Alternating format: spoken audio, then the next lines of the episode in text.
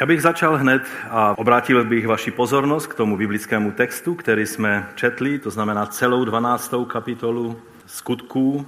Můj první bod je vlastně taková otázka, o čem tato kapitola je. Když bych připomněl jenom jeden takový ústřední verš této kapitoly, sedmý verš, a hle, pánův anděl se u něho postavil, čili u Petra, a v celé zazářilo světlo. Udeřil Petra do boku, vzbudil ho a řekl, rychle vstaň. A řetězy mu spadly z rukou. To je, myslím, verš, který vyjadřuje to, čím tato kapitola je známa. Je zde příběh, který zná snad každé dítě z nedělní školky. Osvobození Petra z vězení, že? Andělem. Ehm, učí se to snad ve všech nedělních besídkách a znají to určitě i mnozí lidé, kteří se o Bibli příliš nezajímají. Existuje mnoho slavných obrazů, které se snaží vyjádřit tento mocný příběh. Některé jsou méně podařené, některé jsou více podařené a mně se obzvlášť líbí tady tento eh, od eh, Honhorsta, protože tady je Petr dobře vyjevený z toho, co se děje. Že? On, on, eh, sice tady je Petr asi dost starší, než ve skutečnosti v té době byl, ale je tady vyjádřeno to jeho překvapení, jako co se to děje. Proto se mi ten eh, obraz eh, hodně líbí. Ovšem, tato kapitola má trochu jiný důraz, i když tento Petrův příběh je jeho centrální části. A Lukáš si vyprávění tohoto příběhu určitě patřičně užil. Eh, to je pohled do mé Bible počítačové. A jak vidíte v Bibli 21, tak je ten ten, ten moment vysvobození Petra eh, je skutečně v centru této kapitoly, je, je vyjádřen eh, jako, jako důležité poselství této kapitoly. A e, Lukáš určitě měl potěšení stejné jako já, když, jsem, když to vždycky, když to čtu, tak měl potěšení, když mohl o tomto příběhu napsat.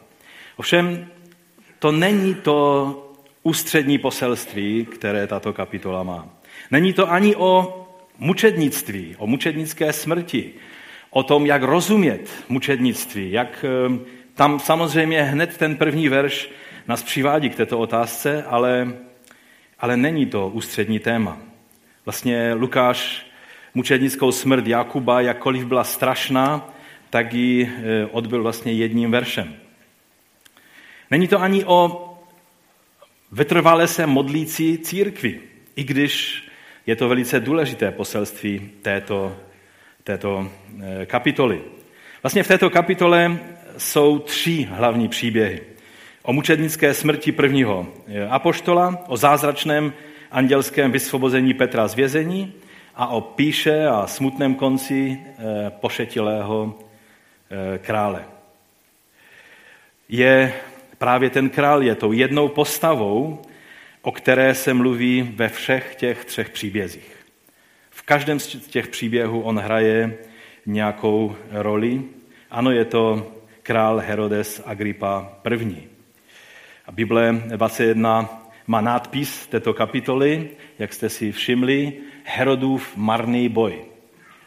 A i když jsem chtěl dát jiné téma, pak na konci eh, si možná řekneme proč, tak jsem nakonec eh, použil tento jejich titulek a tak to dnešní kázání se jmenuje Herodův marný boj. V té hře na schovávanou, když bychom eh, hrali, tak vždycky, já nevím, jak se to dělá jinde, ale tady na Slesku vždycky, když to dítě se už blíží k tomu místu, kde je schovaný ten, eh, ten kdo, koho má najít, tak se říká, když, když prostě chodí někam jinam, tak se říká studené, studené a pak eh, teplé a pak horké a pak je to skutečně uh, už, už to epicentrum, že? A tak si myslím, že v té hře, když bychom zmínili Heroda, tak už bychom eh, říkali, že už přihořívá.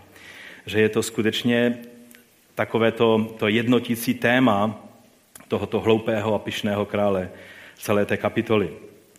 Ale ani on, ten krutý a pyšný a soběstředný, a náramně hloupý král není tím, o kom je tato kapitola. Hlavního hrdinu této kapitoly si necháme nakonec. Já doufám, že tak sami nějak už eh, usoudíte, eh, jak to vlastně je. Obecně za to příběhy této kapitoly nám ujasňují, a tady byste měli spozornit, jak to na tomto světě chodí. Jestli je někde ještě v Biblii kapitola, která obsahuje vlastně radu a návod, řečenou formou příběhu, jak rozumět tomu, co se děje v tomto světě, pak je to právě tato kapitola. Radí nám, nebo vysvětluje nám, co se děje a radí nám, jak se v tomto světě máme orientovat a co je skutečně důležité a co je naše role v tomto světě. O tom je ta kapitola. Je to o tom, proč je tento svět ještě světem, protože ten svět už dávno nemusel být. Proč stále ještě Bůh v trpělivosti snáší tento svět? Proč ty a já jsme ještě na tomto světě? Co pak by nebylo lepší, abychom už byli u pána? Proč jsou na tomto světě stále ještě různí Herodové a, a jiní lidé, kteří se snaží vytěžit z tohoto světa co nejvíce? Takových lidí je hodně. Mezi politiky samozřejmě jich je bohatě. A takoví lidé se neštítí použít k tomu, jako žebříček k vlastně uplatnění své eh, kariéry eh, i jiné lidi, i tragédii jiných lidí, obzvlášť křesťanů. Po staletí, po tisíciletí křesťané byli těmi, po zádech kterých mnozí se drali k moci a když se jim to jevilo, že, že to pomůže jejich reputaci, jejich moci, upevnění jejich pozice, pak použili i takzvané křesťanské hodnoty. Dneska mnozí lidé obhajují křesťanské hodnoty v tomto našem, na tom našem kontinentu, ale vůbec jim nejde o to, aby Ježíšova vůle byla konána, ale jde jim jen a jen o jejich politický prospěch. Pojďme se tedy podívat do toho příběhu, jak nám ho Lukáš popisuje tím svým dynamickým, úžasným a přitom stručným způsobem. To, co popisuje eh, Lukáš takhle stručně, ale vystižně, tak Josefus, který byl zasobován eh, z římských kanceláří císařských eh, svítky bez, bez omezení, tak on samozřejmě psal daleko, daleko víc rozsáhle, obsáhle i o těch věcech, o kterých jsme před chvíli četli. Takže potom, co jsme minule viděli, jak se antiochická církev začala rozrůstat a vlastně pohané se začaly obrácet a stávali se členy církve, eh, tato církev nabírala na síle, také jejich misijní vize se rozšiřovala a dokonce nezapomněli na svou mateřskou základnu v Jeruzalémě a když tam přišel hlad do, do Judska a do Jeruzaléma, tak oni se rozhodli udělat sbírku a, a jak jsme si říkali na konci minulého kázání, tak vybrali Barnabáše a Saula a vložili jim do rukou ty peníze, které vyzbírali a poslali je s tou sbírkou. Eh, když si neměli účty, aby se to dalo převést na jejich účet do jeruzalemské nějaké banky, takže Pavel a Barnabáš byli těmi, kteří s tou sbírkou jeli a dopravili do Jeruzaléma. A teď jako by nám chtěl Lukáš ukázat, že když byli v Jeruzalémě, tak eh, zrovna se děli velice závažné věci. Ale ústředím eh, nějak takovým, ta pozornost není na, na Saulovi a na Barnabáši v této kapitole, ale Lukáš nás vrací k, eh, apoštolu, k dalším apoštolům, k těm dvanácti, k Petrovi a k Jakubovi. A začíná tím, že se pro církev situace zhoršila. Po krátkém období takového relativního klidu najednou je tady další vlna pro následování. Ale ne ze strany těch tradičních odpůrců eh, z řád jeruzalémské elity, farizeů a hlavně sadiceů, kteří, a ta aristokracie jeruzalémská, která se točila hlavně kolem, kolem chrámu a to byl jejich zájem. Ale překvapivě ze strany krále Heroda eh, kvůli ničemu jinému než jeho sobeckým politickým plánům. Pokud vidíte, že nějací politikové mají nějaké sobecké eh, soběstředné plány, tak nebuďte překvapeni. To bylo už i před dvěma tisíci lety a bude to tak, dokud nepřijde pán a nenastolí on ten svůj řád Božího království na této zemi. Začalo to asi tak dost nenápadně. Herodes poslal eh, stráže a zatknul Jakuba. A všichni v Jeruzalémě v církvi eh, byli asi v pohodě, protože ve čtvrté a páté kapitole jsme četli, že byli apoštole zatčení a pak zase je předvolali, pak je pustili, pak zase je všechny zatkli a, a najednou anděl otevřel vězení a, a oni byli na svobodě a, a, a bylo vidět, že Sanhedrin tak pořádně neví, jak s nima naložit, tak si možná říkali, no tak zase, zase bude eh, Jakub ve vězení nějaký čas a, a buď ho Bůh osvobodí, nebo, nebo Herodes si to rozmyslí a pustí ho.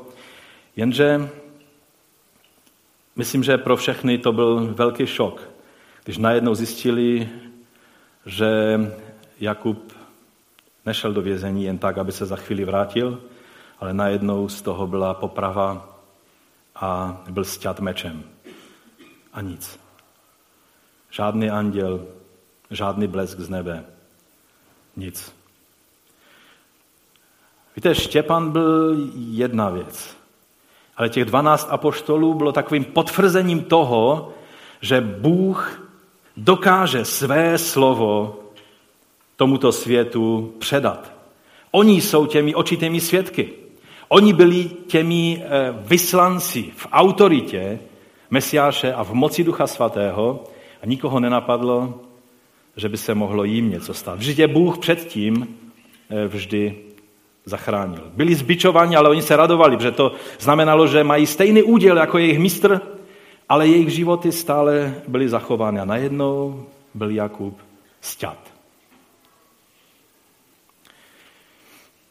Museli si uvědomit několik teologických skutečností, o kterých jsme ne tak dávno mluvili, když jsme mluvili o Božím království nyní.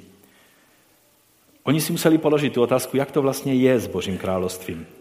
Vždyť to byl ten Jakub, bratr Janův, ti Boanerges, tito synové hromu, tito, tito synové Zebedeovi, kteří chtěli být po levici a po pravici Ježíše Krista, když bude vládnout na svém trůně. Oni měli vysoké ambice, oni nechtěli být jenom nějakými dalšími eh, v řadě, ale chtěli být přímo jeho nejbližšími spolupracovníky v jeho království. Dokonce jejich maminka se za ně přimlouvala, že? Pamatujete si to.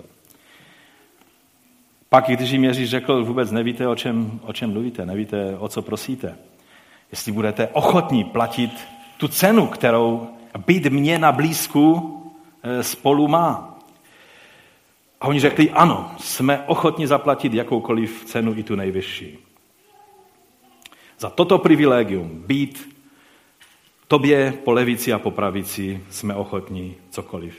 Ježíš jim řekl, ano, budete platit tuto cenu. Ovšem oni si to představovali tehdy, ehm, podle odborníků oni byli nejmladšími členy těch, ehm, toho týmu 12 apoštolů a oni si tehdy představovali, že království boží se prosadí sílou. Že oni budou součástí Ježíšovy vlády, která nastolí sílou to království v tom čase v Izraeli a potažmo na celém světě. Um, oni dokonce už to chtěli uspíšit tím, že řekli Ježíši, že uvrhnou oheň na ty neposlušné vesnice, které odmítly Ježíše jako mesiáše. Ježíš jim tehdy řekl, vy ani nevíte, jakého jste ducha. Tohle uvažování nepatří do Božího království. Oni museli pochopit, že násilí je součástí údělu církve, ale nikdy ne na straně těch, kdo je páchají. Pokud ano, pak je to hluboké překročení Ježíšové, Ježíšovy vůle. Ale na straně těch, kdo jsou jeho oběťmi, ale kdo obstojí i skrze násilí, které je pácháno vůči ním. To je postoj těch, kteří jsou v Božím království. Bylo to velmi silné připomenutí toho, že ano, Ježíš je sice na nebeském trůně ve slávě svého nebeského Otce, ale oni, a pro nás je důležité si uvědomit, že i my dneska po 20 stoletích od té doby stále jsme na této zemi ještě. Jsme z masa a krve na této zemi, na které stále ještě vládne i království temna. E, I když království boží prostupuje tímto světem.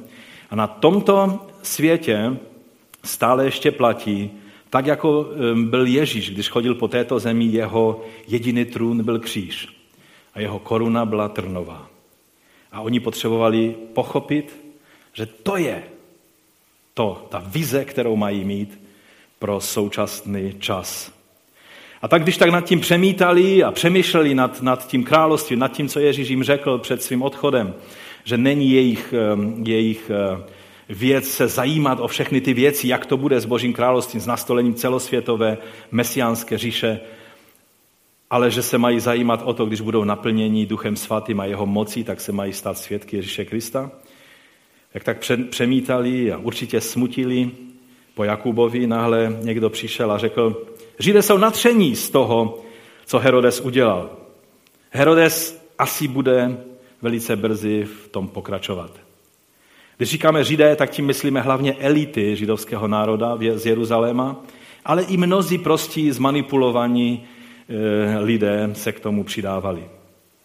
Než to dořekl, dveře se otevřely a Herodova stráž si přišla pro Petra. Čteme ve třetím verši, když viděl, že se to Židům líbí, eh, Herodes, pokračoval a zmocnil se také Petra. Byly právě dny nekvašených chlebů. Byla to zrovna doba paschy, kdy si připomínali Ježíšovou oběť, Ježíšovou smrt. A v té době, byl to asi rok 43 nebo 44, byla zrovna pascha, čili jaro, a oni si přišli pro Petra. Zatkl ho, dal jej do vězení a svěřil ho čtyřem čtveřicím vojáků, aby ho hlídali a po velikonocích ho chtěl předvést před lid. Čili nebyt svátku, tak by s ním byl tak krátký proces jako, jako s Jakubem, ale jelikož byly svátky, tak Herodes si řekl, po svátcích ho předvedu před lid a bude veřejná poprava, protože se to eh, těmto eh, židovským špičkám líbí, proto to udělám. Kým vlastně je, to je můj třetí bod, kým, kým byl ten Herodes? Proč vůbec nechal popravit Jakuba? Proč mu tak záleželo na tom, aby dělal tak kruté věci? Byl to Herodes Agrippa první, ve své době si říkal Agrippa velký a byl vlastně vnukem Heroda Velikého a synem Aristobula, tady máte e, takovou tu genealogickou linii, a e, byl vlastně bratrem Herodiady, jeho stricem e, byl Herodes Filip a také Herodes Antipas, kterého známe z příběhu Jana Kštitele a Ježíše. Čili byl to, byl to velice, dá se říct, takový oblíbený král mezi Židy, protože byl vnukem nejenom Heroda Velikého, ale ten měl mnoho manželek, ale to důležité bylo, že byl z té vnukem vlastně manželky Mariamny, která byla z hasmonejského rodu, čili byla židovka, byla z kněžského rodu, kteří vládli v, tom, v té době makabejské. A proto se těšil zvláštní přízní většiny židů. To, že Herodes Veliký zabil svoji manželku, a ještě zabil i další své syny a tak dále, to, to myslím víte a to jenom dokresluje, jaká rodina to byla. A byl synem Aristobula Bereniky, jiné Bereniky než ta, o které čteme později ve skutcích v příběhu Pavlově, že? Ta byla jeho dcerou a sestrou Agripy II., o kterém se dočteme, když budeme mluvit o eh, Pavlové situaci, když byl zatčen a spovídal se králi Agripovi II. Herodes Agrippa se narodil asi 11 let před Kristem, začal vládnout v roce 37 a v omezené oblasti, ale nad Judskem začal vládnout od roku 41, ale nevládl dlouho, protože přišel rok, o kterém jsme dneska četli, 44. a to, byl, to byla jeho náhla smrt. Vyrůstal v Římě, byl přítelem, eh, velice blízkým přítelem Kaliguly, který je znám, že to byl takový dost šílený císař, že? A e, on měl třeba takový nápad, že svoji sochu nechá postavit v Jeruzalémském chrámu. No a už se na tom začalo pracovat, ale právě, e, jelikož byl e, s Agripou velice, velice dobrý přítel, tak u jedné piatiky mu Kaligula slíbil, že mu dá cokoliv, co bude chtít. A myslel, že bude chtít území nebo peníze, ale Agripa, když se trošku, když trošku vystřízlivěl, tak říká, víš, co bych chtěl? Aby si mi zaručil, že nepostavíš svoji sochu do jeruzalemského chrámu. To byl takový záblesk moudrosti u tohoto pošetilého krále. A proto ho Židé měli velice rádi. On, on se tvářil jako velice zbožný, chodil do chrámu spolu s ostatníma lidma, ke všem obětem a tak dále. A, a získával si jejich přízeň. Samozřejmě to byl, byl politický tah, podobný jeho dědovi, aby se zalíbil Židům, aby ho přijali jako svého krále. Byl také přítelem dalšího císaře Klaudia. Oba se pak ti jeho přátelé stali císaři, což je vidět, že si uměl vybírat přátele. A protože neuměl držet jazyk za zuby, tak při jedné takové chvíli řekl, že Caligula bude zanedlouho císařem, ale za tím účelem musí samozřejmě zemřít Tiberius. No a Tiberius se to dozvěděl, protože Tiberius měl všude své špěhy, takže šel do vězení. E, Agrippa to mohl být rád, ale byla to zásluha vlastně, e, vlastně těch jeho přátel, že, že neskončil o hlavu kratší. E, později Tiberius naštěstí pro něho za velice krátkou dobu zemřel a Caligula se skutečně stal císařem a Kaligula mu pak nechal udělat zlatý řetěz, tak těžký, jak byl ten řetěz, eh, kterým byl přikován ve vězení. Eh, takže to byl takový pořádný řetěz. No a traduje se, že vlastně on tento zlatý řetěz pak daroval židovskému národu a to byl další takový skutek, kterým si získal jejich přízeň. Byl velmi populární a když byste četli talmudické zdroje, které o něm píší, tak píší o něm velice pozitivně. Lukáš už není tak pozitivní. Jeho vlivné kontakty v Římě mu umožňovaly si získat přízeň i židovských nacionalistů, takže on mohl hrát na tu notu, eh, že je tady jenom pro Židy a ti špatní římané, on to si mohl dovolit, že věděl, že ti jeho přátelé se v Římě drží za břicha a smějou se tomu, že oni věděli, jaké měl skutečně názory. Ale ti židovští nacionalisté eh, skutečně eh, ho proto obdivovali a měli ho rádi.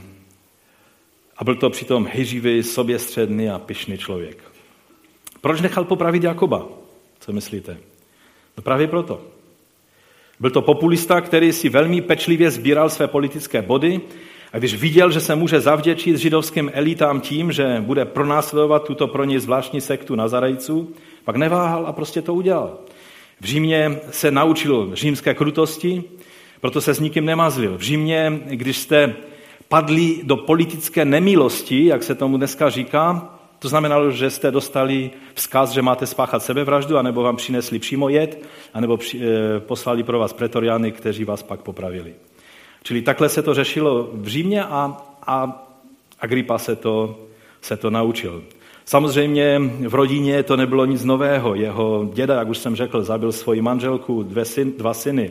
Nemluvě o betlemských nemluvňatech a, a jeho obecné krutosti. Třeba jenom, když bych měl čas, bych mohl říct o jeho pohřbu Herodese Velikého. Když věděl, že ho židovský lid nemá rád a že nebude nikdo oplakávat, že budou jásat, že konečně zemřel, tak on řekl, já vás donutím plakat. A vzal a nechal zhromáždit do Jericha všechny rabíny a důležité a oblíbené učitele zákona a, a dal příkaz, že když zemře, tak ho je mají všechny popravit. Naštěstí ti lidé měli víc rozumu než on, tak to nevykonali, ale on tím způsobem chtěl donutit eh, Izrael, že bude oplakávat svého krále. Taková to byla rodina. A Agrippa se měl od koho učit. Také jeho stric Herodes Antipas eh, neměl titul krále, proto byl takový dost ješitný a, a, a závistivý ale také eh, žil životem, eh, životem eh, nemorálního člověka. A jeden prorok, jmenoval se Jochanan od Jordánu, přišel, byl to Jan Křtitel, že? Přišel a konfrontoval tohoto krále, tohoto Heroda Antipase, kvůli tomu, že žil s manželkou svého bratra. No a neskončilo to tím, že by Herodes činil pokání, ale skončilo to popravou proroka Jochanana. Pak měl zájem o zázraky jiného proroka, Ješuji Hanocrim, Ježíše z Nasareta, ale ten je absolutně ignoroval. Je zvláštní, jak Ježíš ehm, tohoto Herodese ehm, ignoroval, dokonce když si ho nechal předvolat. S Pilátem mluvil s Herodem nemluvil vůbec. Všichni členové této rodiny viděli Izrael i celý svět jako pódium pro své sobecké politické ambice. A Herodes Agrippa I. v tom exceloval. Myslím si, že v dnešním politickém eh, světě by Agrippa udělal obrovskou kariéru, protože měl všechny předpoklady pro to, aby byl schopným politikem v takových eh, podmínkách, jaké dneska panují ve světě. Proč zatknul Petra? No jen proto, že viděl, že mu to získává sympatie u židovské elity, protože viděl, že tito lidé, zvláštní, ti, tito mesianští židé, nejsou fascinovaní jím samotným, ale jiným králem. Jak zvláštní. Králem, který byl potupen, ponížen jeho strýcem, římany a nakonec popraven. A tito lidé tvrdili, že on nejen, že byl králem, ale že je králem stále i nyní, i když byl popraven. Agrippa si zakládal na tom, že jemu bylo Kaligulou a pak ještě více Klaudiem obnovena vláda i nad judským územím, nad bývalým panstvím jeho dědy Herodese Velikého, no a, a proto se rozhodnul, že bude pokračovat eh, v tom, co viděl, že se líbí těmto, těmto lidem, na kterých mu záleželo získat jejich politickou přízeň. Poučení pro nás z toho plyne, že když otevřeme noviny a zdá se, že o to, o co jde v tomto světě, je, že svět je jedno veliké jeviště pro politiky, pro herce, v pozadí vše je manipulováno mocnými nadnárodními korporacemi bohatých lidí. Ti, kteří věří na spiklenecké teorie, tak věří, že svět ovládají ilumináti nebo zednáři. Ehm, každý hledá své místo na výsluní a chce si ze světa udělat své jeviště, své pódium pro sebe a své zájmy. Ovšem pro nás poučení, pro ty lidi, kdyby chtěli, tak by to bylo taky poučení, ale je to především pro nás povzbuzení, že jejich boj je marný Herodův boj. Oni nebudou mít tyto všechny vlivy. Pokud se zajímáte o všechny takové ty skryté, spíklenecké skupiny, které údajně ovládají svět, nebo, nebo to všechno, co, co může mít vliv na tento svět, tak vám chci říct, je vliv, který má tento svět v ruce. A není to žáden Herodes ani žáden panovník současné doby. Jeho potupný konec jen ukazuje na to, jak to všechno pro takové lidi skončí. Lukáš nenadarmo dal veliký důraz na to, jakou smrti eh, Herodes zemřel, aby tím dal najevo, po tom všem lesku, slávě, konexích, penězích, vlivu, moci, tohle je konec těchto mocnářů, kteří si myslí, že mají svět v rukou.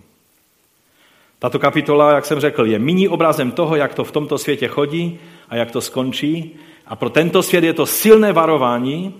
A jelikož kniha skutků byla psaná jak židovským elitám, tak zdá se i římským eh, lidem, kteří měli zájem o to, co vlastně křesťanství znamená. Lukáš to psal s tímto, s tímto úmyslem a proto tato kapitola byla silným varováním pro tyto vlivné a mocné lidi a obrovským povzbuzením pro ty, kteří nasledovali Ježíše. Pojďme za čtvrté zpět k našemu příběhu. Veškerý triumfalismus, jak jsem řekl, u církve byl pryč, Najednou si museli uvědomit, že kříž je v tomto světě stále ještě aktuální pro ně, i když Ježíš je na svém nebeském trůně. To je vždy dobré pro církev si uvědomit. Tehdy se církev stává tím nejlepším, čím může být. Protože taková církev, která je pod tlakem pro následování, co dělá? Modlí se. A to je vždycky zdravé pro církev.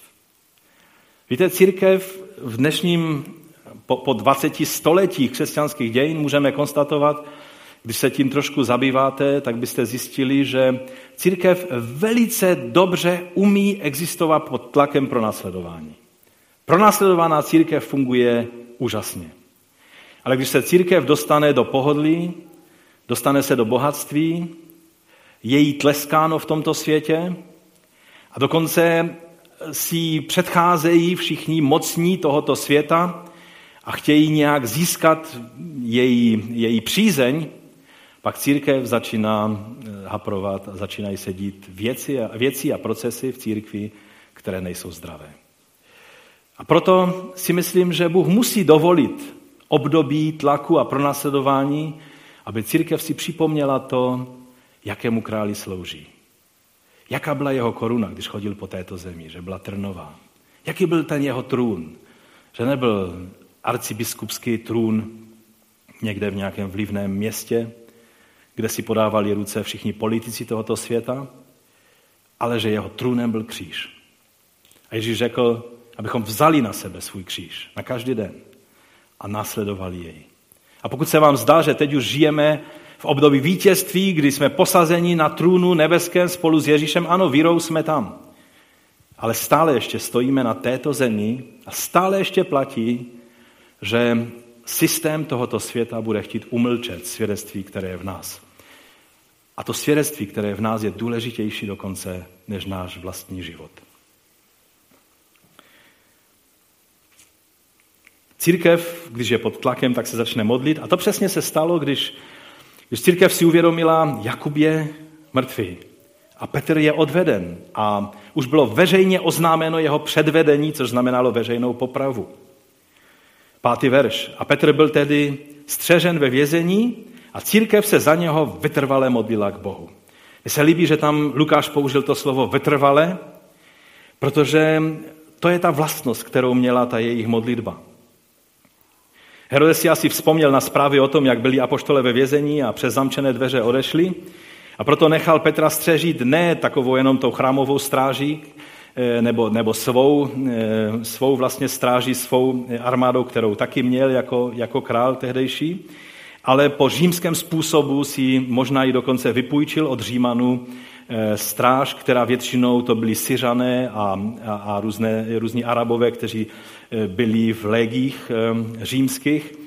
A proto on použil takový ten 4x4 vojáci, čtyři jednotky po čtyři vojáky, byly čtyři vlastně strážní směny nebo hlídky v noci a tak byly čtyři čtveřice, které hlídali Petra. Byli velice dobře zorganizováni, dva s ním dokonce byli připoutáni řetězy. Běžně se dělalo, že jeden voják byl ten, ten, ten vězeň, měl pravou ruku v železech, voják měl řetěz na levé ruce a tímto způsobem většina vězňů byla hlídána, ale Petra hlídali dvojnásobně, že byli dva vojáci vedle něho.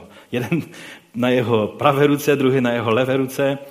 No a v takové situaci tam nacházíme Petra v té věznici, že tam prostě spal mezi těma dvěma vojáky. Byla to prostě absolutně beznadějná situace, nezdá se vám? Nevím, jak byste se cítili v takové situaci vy. Já bych asi moc naděje na to, že ještě se stane nějaký obrat v té situaci, už neměl. Čekalo se vlastně jenom na rozednění, aby mohl být Petr teatrálně a veřejně předveden a popraven. Stejným způsobem zřejmě asi jako, eh, jako Jakub. Jakékoliv utěšování by bylo zbytečné a znělo by jako prázdné fráze. Nevím, jestli máte stejnou zkušenost, ale já někdy, když mluvím s člověkem, kterému se dějou věci, které nemáme možnost nějak ovlivnit, a ať jsou to zdravotní nebo nějaké jiné, jiná, jiná tragédie, která se děje tomu člověku, tak nevíte, co říct. A pak eh, často litujeme každé věty, kterou jsme řekli, protože všechno, co chceme říct, tak zní tak nějak, co můžeme říct. Někdy je lépe mlčet a modlit se. A přesně to ta církev dělala. Vytrvale se modlila, ale všimněte si, že ta vytrvalost neznamenala víru eh, v to, že Petr bude vysvobozen. Oni byli vytrvalí v modlitbách, a když byste jich eh, se zeptali, takže vy trváte nadále v modlitbách, znamená, že věříte tomu, že bude vysvobozen.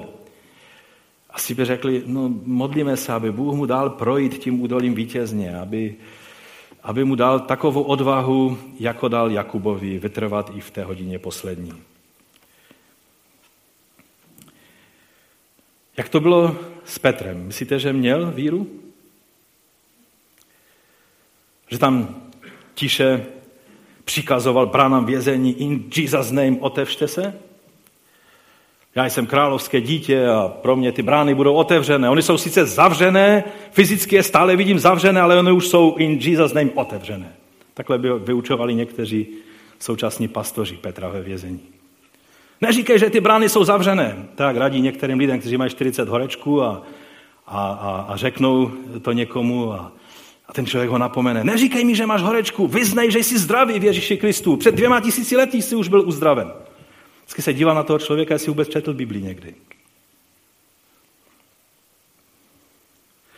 Petr nic nevyznával, nic neproklamoval, neměl pozitivní vyznání, neměl víru ve svoji víru, e, prostě tam spal. Je to projev víry? Spaní? E, pokud mluvíme o takové té hypervíře, kterou jsem tady před chvíli popisoval, tak to nemá nic společného. Ale pokud myslíte absolutní důvěru v to, že Bůh má můj život ve své ruce, jestli mě tady ještě zítra chce mít, pak on je ten, kdo to může zařídit. Stejně jako Abraham proti naději v naději uvěřil, i když mi Bůh přikázal jít toho kluka obětovat, pak já vím, že v tom klukovi je veškerá budoucnost, všechna zaslíbení, které jsem dostal. I když tomu nerozumím, Bůh je ten, který dokáže z toho něco udělat.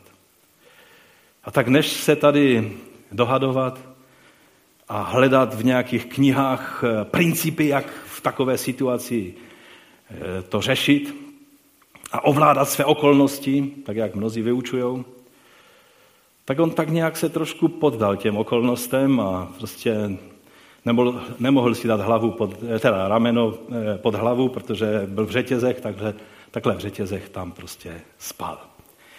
A to slovo spal neznamená, že ležel se zavřenýma očima a modlil se v jazycích. Pane, prosím, pane. pane. Ne, on spal, on možná chrápal. On, on, on byl i v té fázi spánku REM. My to víme celkem bezpečně. Jo? Že v tom, v tom, eh, víte, co je spánek REM, že? To je ta fáze spánku, toho rychlého pohybu očí, kdy jste v absolutně hlubokém spánku, a když vás zbudí v takovém spánku, pak nevíte, kdo jste, co jste, kde jste a co máte dělat. V takovém spánku Petr z největší pravděpodobností byl. A proto můj pátý bod je, anděl udeřil Petra do boku a vzbudil ho. To slovo udeřil do boku je dost silný výraz, protože jinak by ho asi nezbudil. To je napsáno v 6. až 7. verši. Noc předtím, než je Herodes hodlal předvést, spal Petr mezi dvěma vojáky, spoutan dvěma řetězy a stráže před dveřmi hlídali vězení. A hle, pánův anděl se u něho postavil, v celé zazářilo světlo.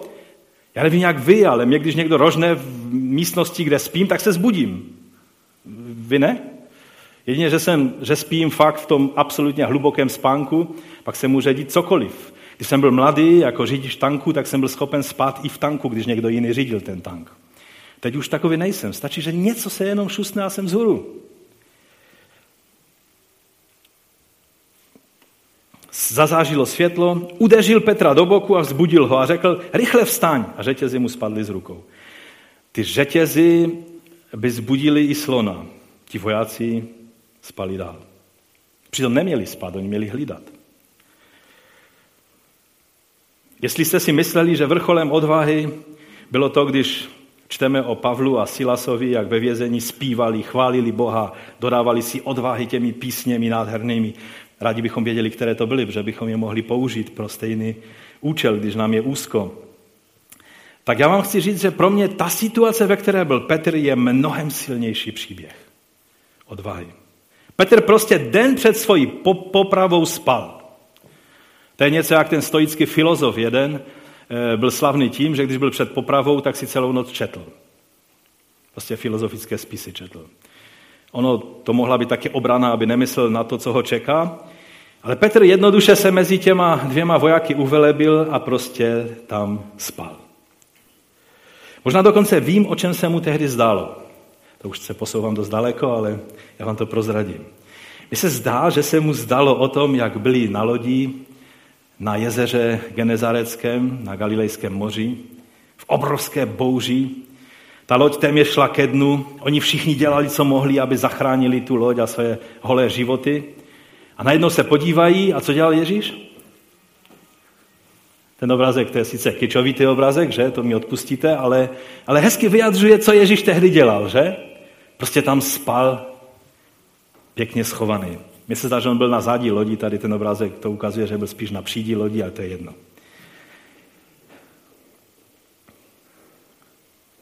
A Petr taky spal, jako jeho mistr. Jeho mistr spal, protože věděl, že jeho běh musí být dokončen, že teď ještě není jeho chvíle, že, že prostě jeho, jeho mise na tomto světě bude dokončena a určitě mu není psáno, aby se utopil na Galilejském jezeře. A Petr si říká, no jestli Bůh chce, abych dokončil svůj běh a naplnil to své poslání, ke kterému mě povolal, tak je to v jeho rukou. A když on řekne, Petře, je lépe pro tebe, aby si přišel před můj trůn, pak je to pro mě lépe, teď on ví lépe, co je pro mě lepší. Uvažujete takovým způsobem ve svých obtížných situacích? Je to fatalismus? To není fatalismus. My víme, komu důvěřujeme.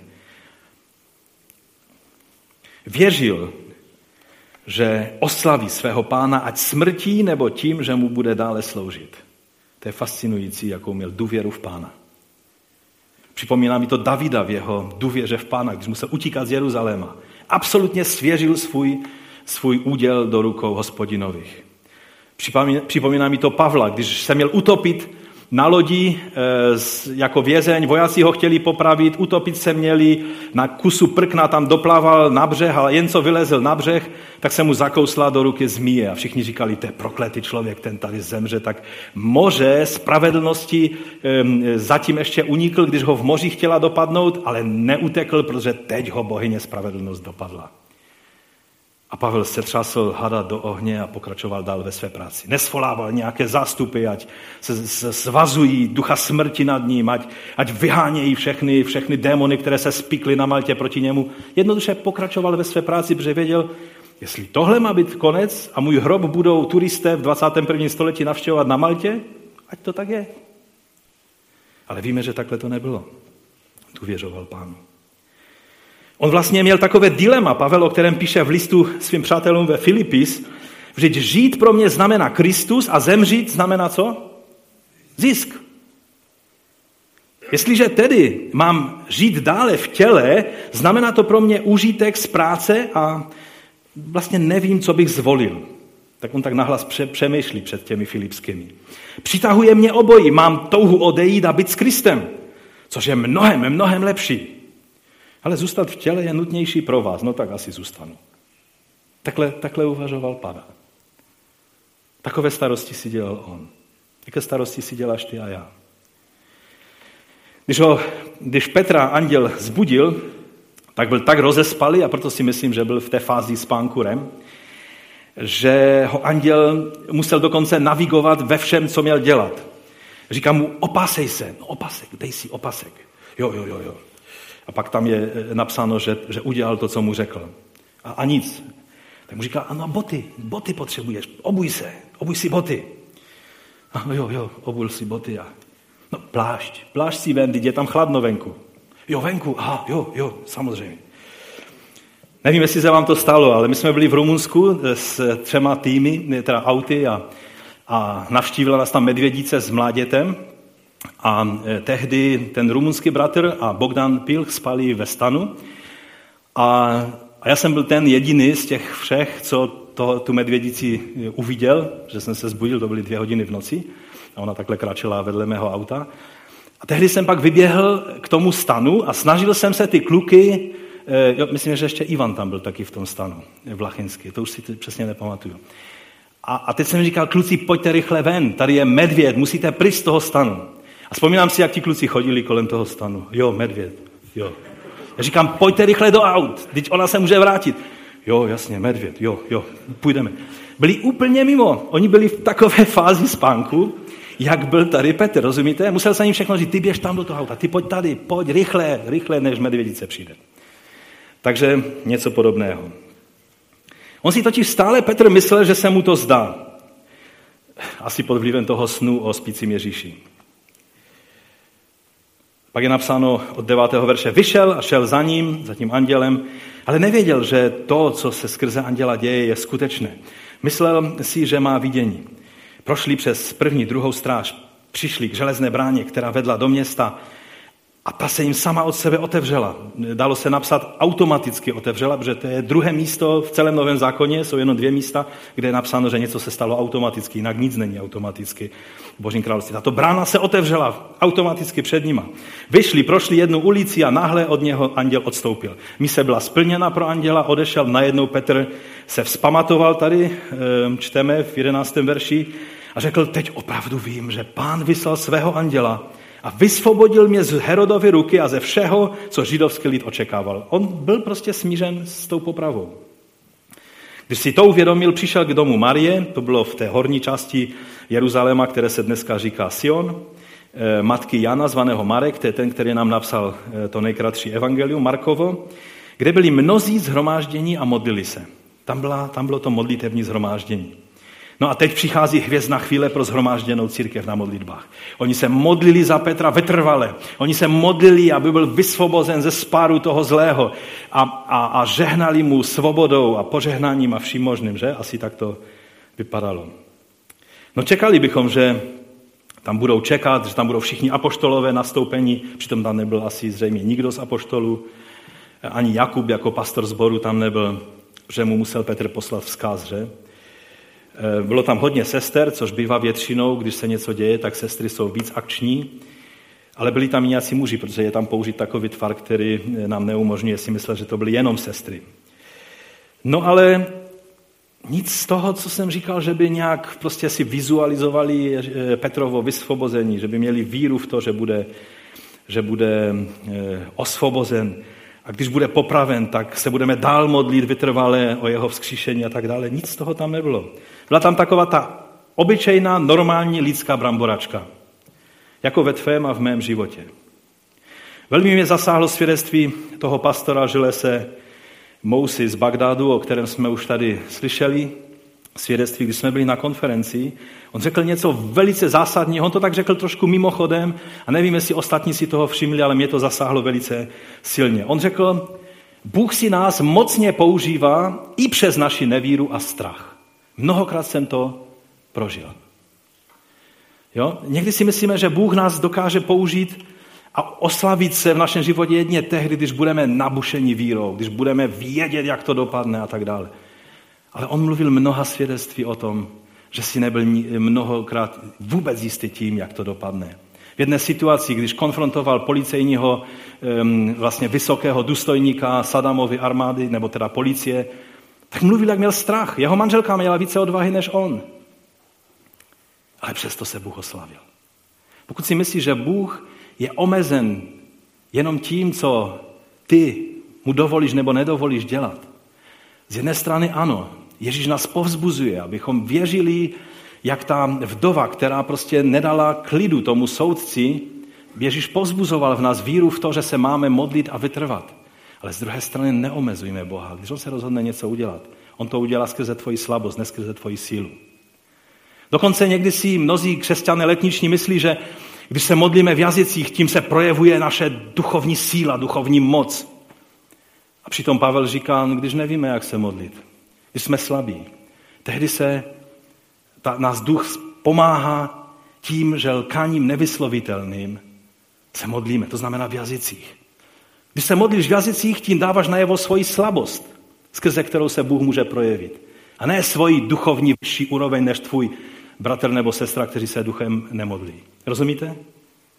Vítězství je v tom, když jdeme níž, ne když se dereme na vrchol.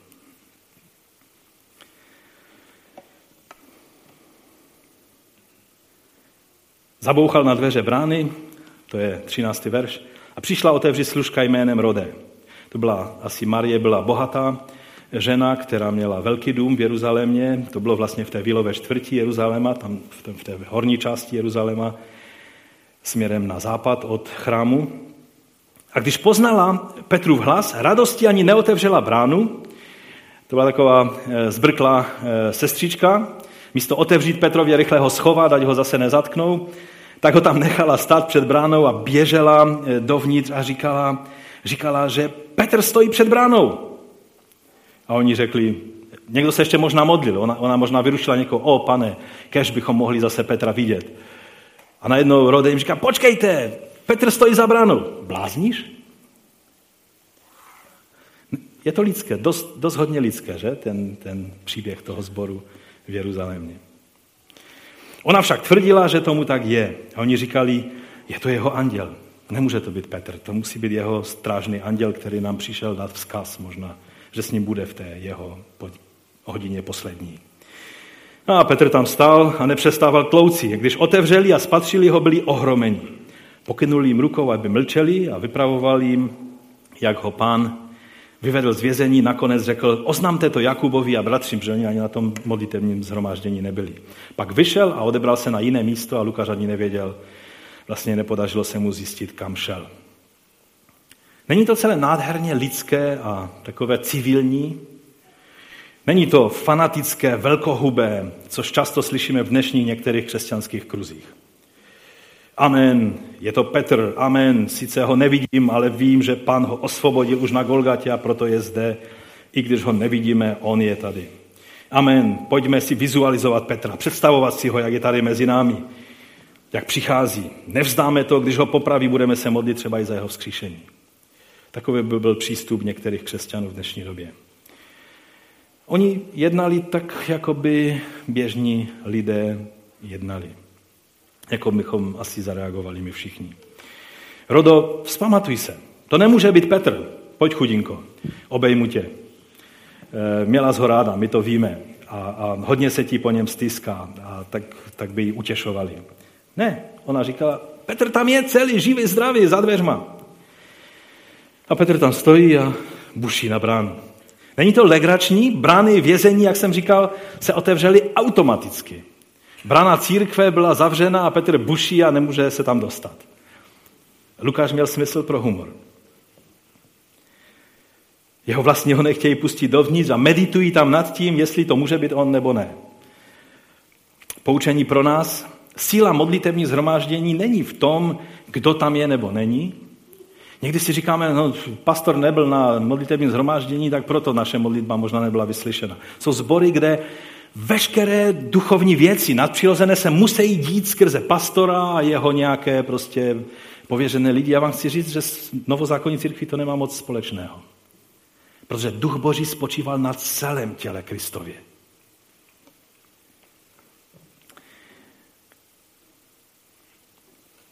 Byli tam prostě lidé, kteří se zhromáždili na modlitby. Samozřejmě to nemohla být ani desetina zboru jeruzalemského, protože do jednoho domu se vešlo možná pár desítek lidí, kdežto jeruzalemský zbor čítal tisíce lidí v té době. Ehm, neměli za druhé nějaké silné přesvědčení o tom, že Petr bude volný. Čili oni se modlili, i když neměli jistotu víry, že budou vyslyšeni podle jejich představ. Oni nevěřili jeho možnost osvobození. Jediná vlastnost, kterou Lukáš popisuje o tomhle modlitevním zhromáždění, o téhle církvi, je, že byli vytrvalí.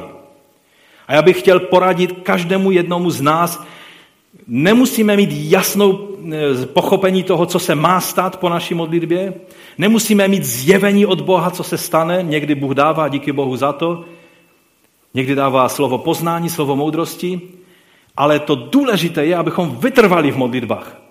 Ježíš ve většině svých podobenství, kterých nás povzbuzuje k modlitbě, nemluví o tom výsledku, ale mluví o vytrvalosti i přesto, že se zdá, že už je to zbytečné. Vytrvalost v modlitbě je to, oč jde. Vyslyšení té jejich modlitby bylo fantastické, mnohem lepší, než si mohli přát. No a teď zpátky k Herodovi, k tomu, který si myslel, že všechno to má v rukou a on to řídí. Neli, že řídí celý Izrael a možná i celý svět. Protože i císaře měl v rukou, to byl jeho přítel. Herodes ho hledal, Petra nenalezl, vyslechl stráže a rozkázal je odvést k popravě. Potom sestoupil z Judska do Cezareje a pobýval tam. Jen tak. Když ti vojáci chudáci za nic nemohli a vysvětlovali eh, Herodovi nebo jeho tomu, eh, kdo byl od něj poslán, co se vlastně stalo, on, ten zbožný král, který si hrál na toho nejzbožnějšího Heroda, který v té rodině existoval, tak nebyl schopen uvěřit, že by Bůh mohl zasáhnout. Ale jednoduše si řekl, ti vojáci se nechali uplatit těmi křesťany a nechal minimálně ty čtyři vojáky, kteří byli v aktivní, na aktivní hlídce v té chvíli, je nechal popravit. No a pak odjel. Ta jeho krutost se projevila tím, nechal je popravit, odjel do Cezarej a už se věnoval zase budování své kariéry. Neuvědomoval si ovšem, že byl zvážen na vaze a nalezen lehký. Neuvědomoval si, že boj s králem, který měl trnovou korunu a jeho trůn byl kříž, a byl slabý a krvácející a zbičován a ponížen a oplývan. Ale on s tím králem poníženým vyhrát nemůže. Ti nejmocnější vládci tohoto světa, kteří pohrdají tak jak v Pakistánu, když jsme byli, tak eh, křesťanům se tam říkalo zametači ulic, protože to bylo jediné zaměstnání, které pro ně bylo dovoleno. Pohrdali s nima ti vládci, ti starostové, ti, ti všichni mocní a vlivní muslimové. Ale oni si neuvědomují, že král těch zametačů ulic bude mít poslední slovo. I v jejich situaci, i v jejich záležitostech. Amen?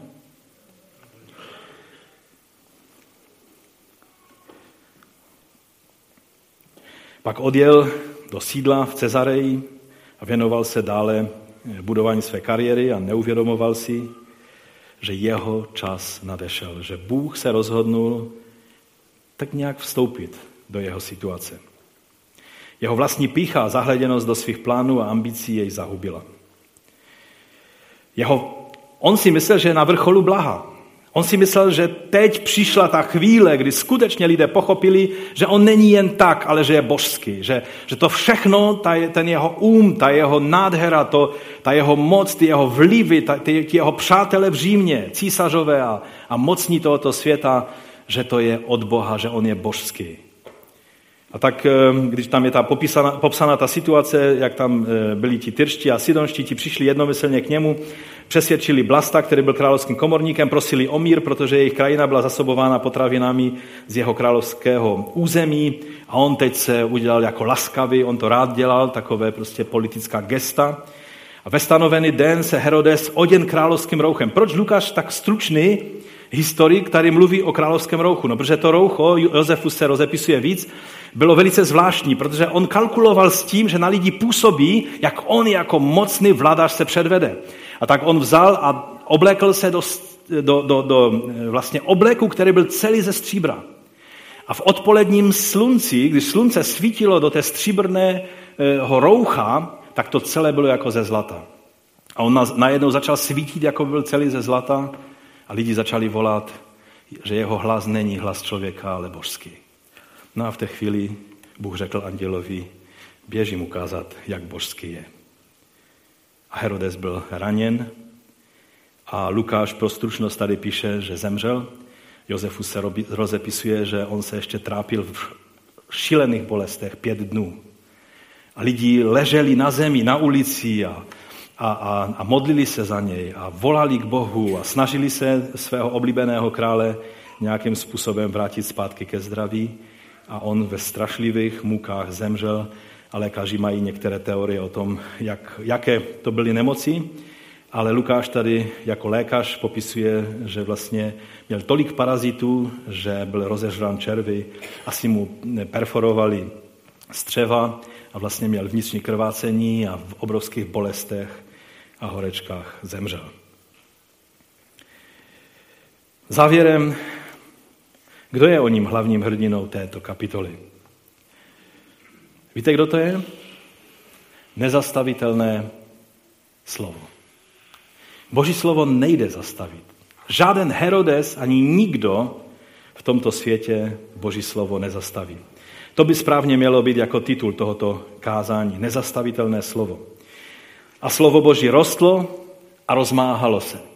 To je ten verš, který je vlastně, ke kterému spěje celý ten příběh. Herodes se snažil, židovský národ se snažil zastavit slovo Evangelia. Ale slovo rostlo a rozmáhalo se. Ať Jakub musel ztratit svůj život, Petra Bůh vyvedl z vězení, protože slovo Boží půjde vždycky dál, ať jakýkoliv, um, jakýkoliv Herodes tohoto světa se bude snažit evangelium zastavit, nepodaří se mu to. A toto je poselství pro každého heroda, každého vlivného, mocného, bohatého, slavného člověka na tomto světě. Evangelium nezastavíte.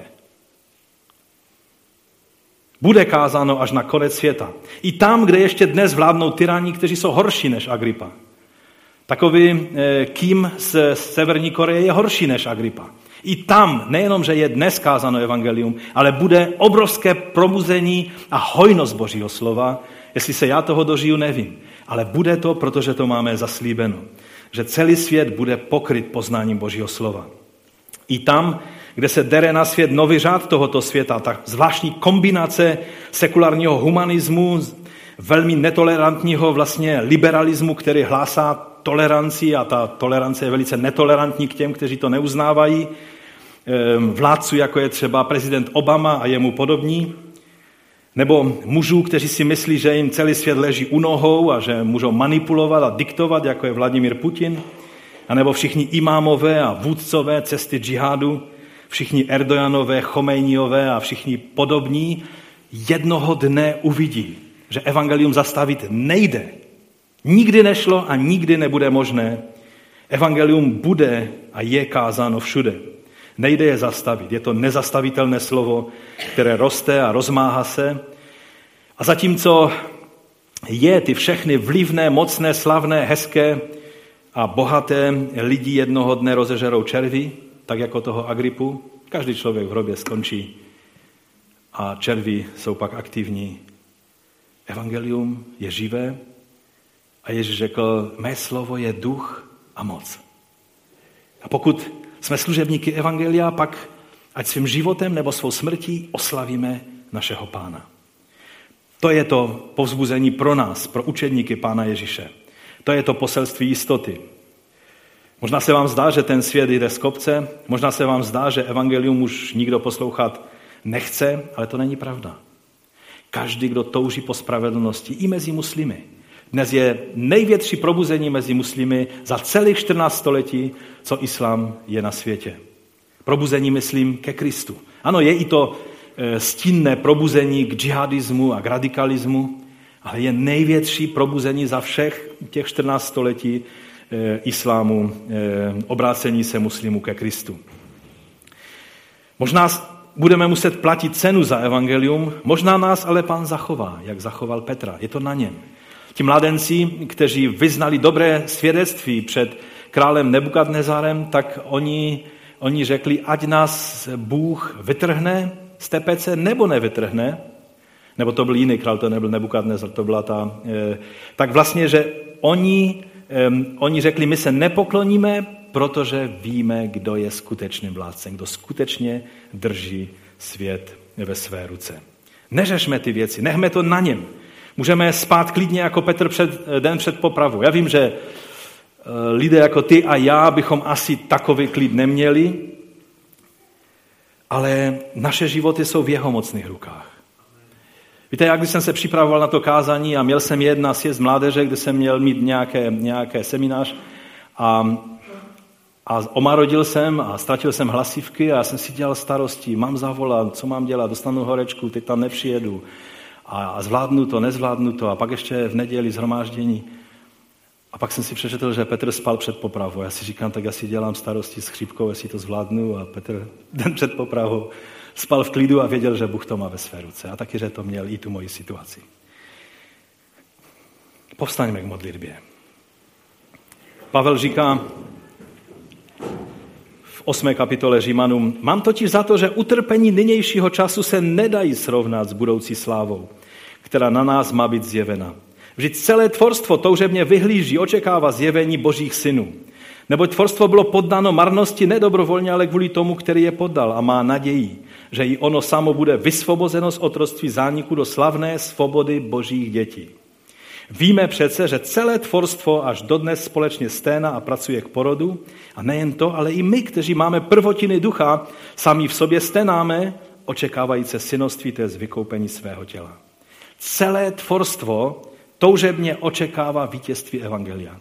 Když se podíváte na přírodu a řeknete si, dnešní civilizace eh, ubližuje přírodě, tak vám chci říct, i ta příroda sténa a očekává vysvobození v den, kdy přijde mesiánské království, kdy všechno bude obnoveno. Celé stvoření, i ta příroda čeká zjevení synů božích. Čeká to, že mnozí lidé ještě se stanou dětmi božími. a více božích dětí, více požehnání na tomto světě. A v konečném důsledku, když přijde pán, tak bude i ta příroda obnovena. My ti, pane, děkujeme za to, že jsi to ty, který budeš mít poslední slovo nejenom v situaci všech těch Herodů dnešní doby, ale především, že budeš mít poslední slovo v naší situaci. Když teď prožíváme různé problémy a tlaky a strachy a obavy, já ti děkuji za to, že nemusíme v sobě nějak vybičovávat víru, ale jednoduše můžeme ti důvěřovat. Dej nám klidný spánek v situacích, nad kterými mnozí z mých bratří a sester po nocích přemítají a převalují se na své posteli a nemůžou usnout, protože si dělají starosti.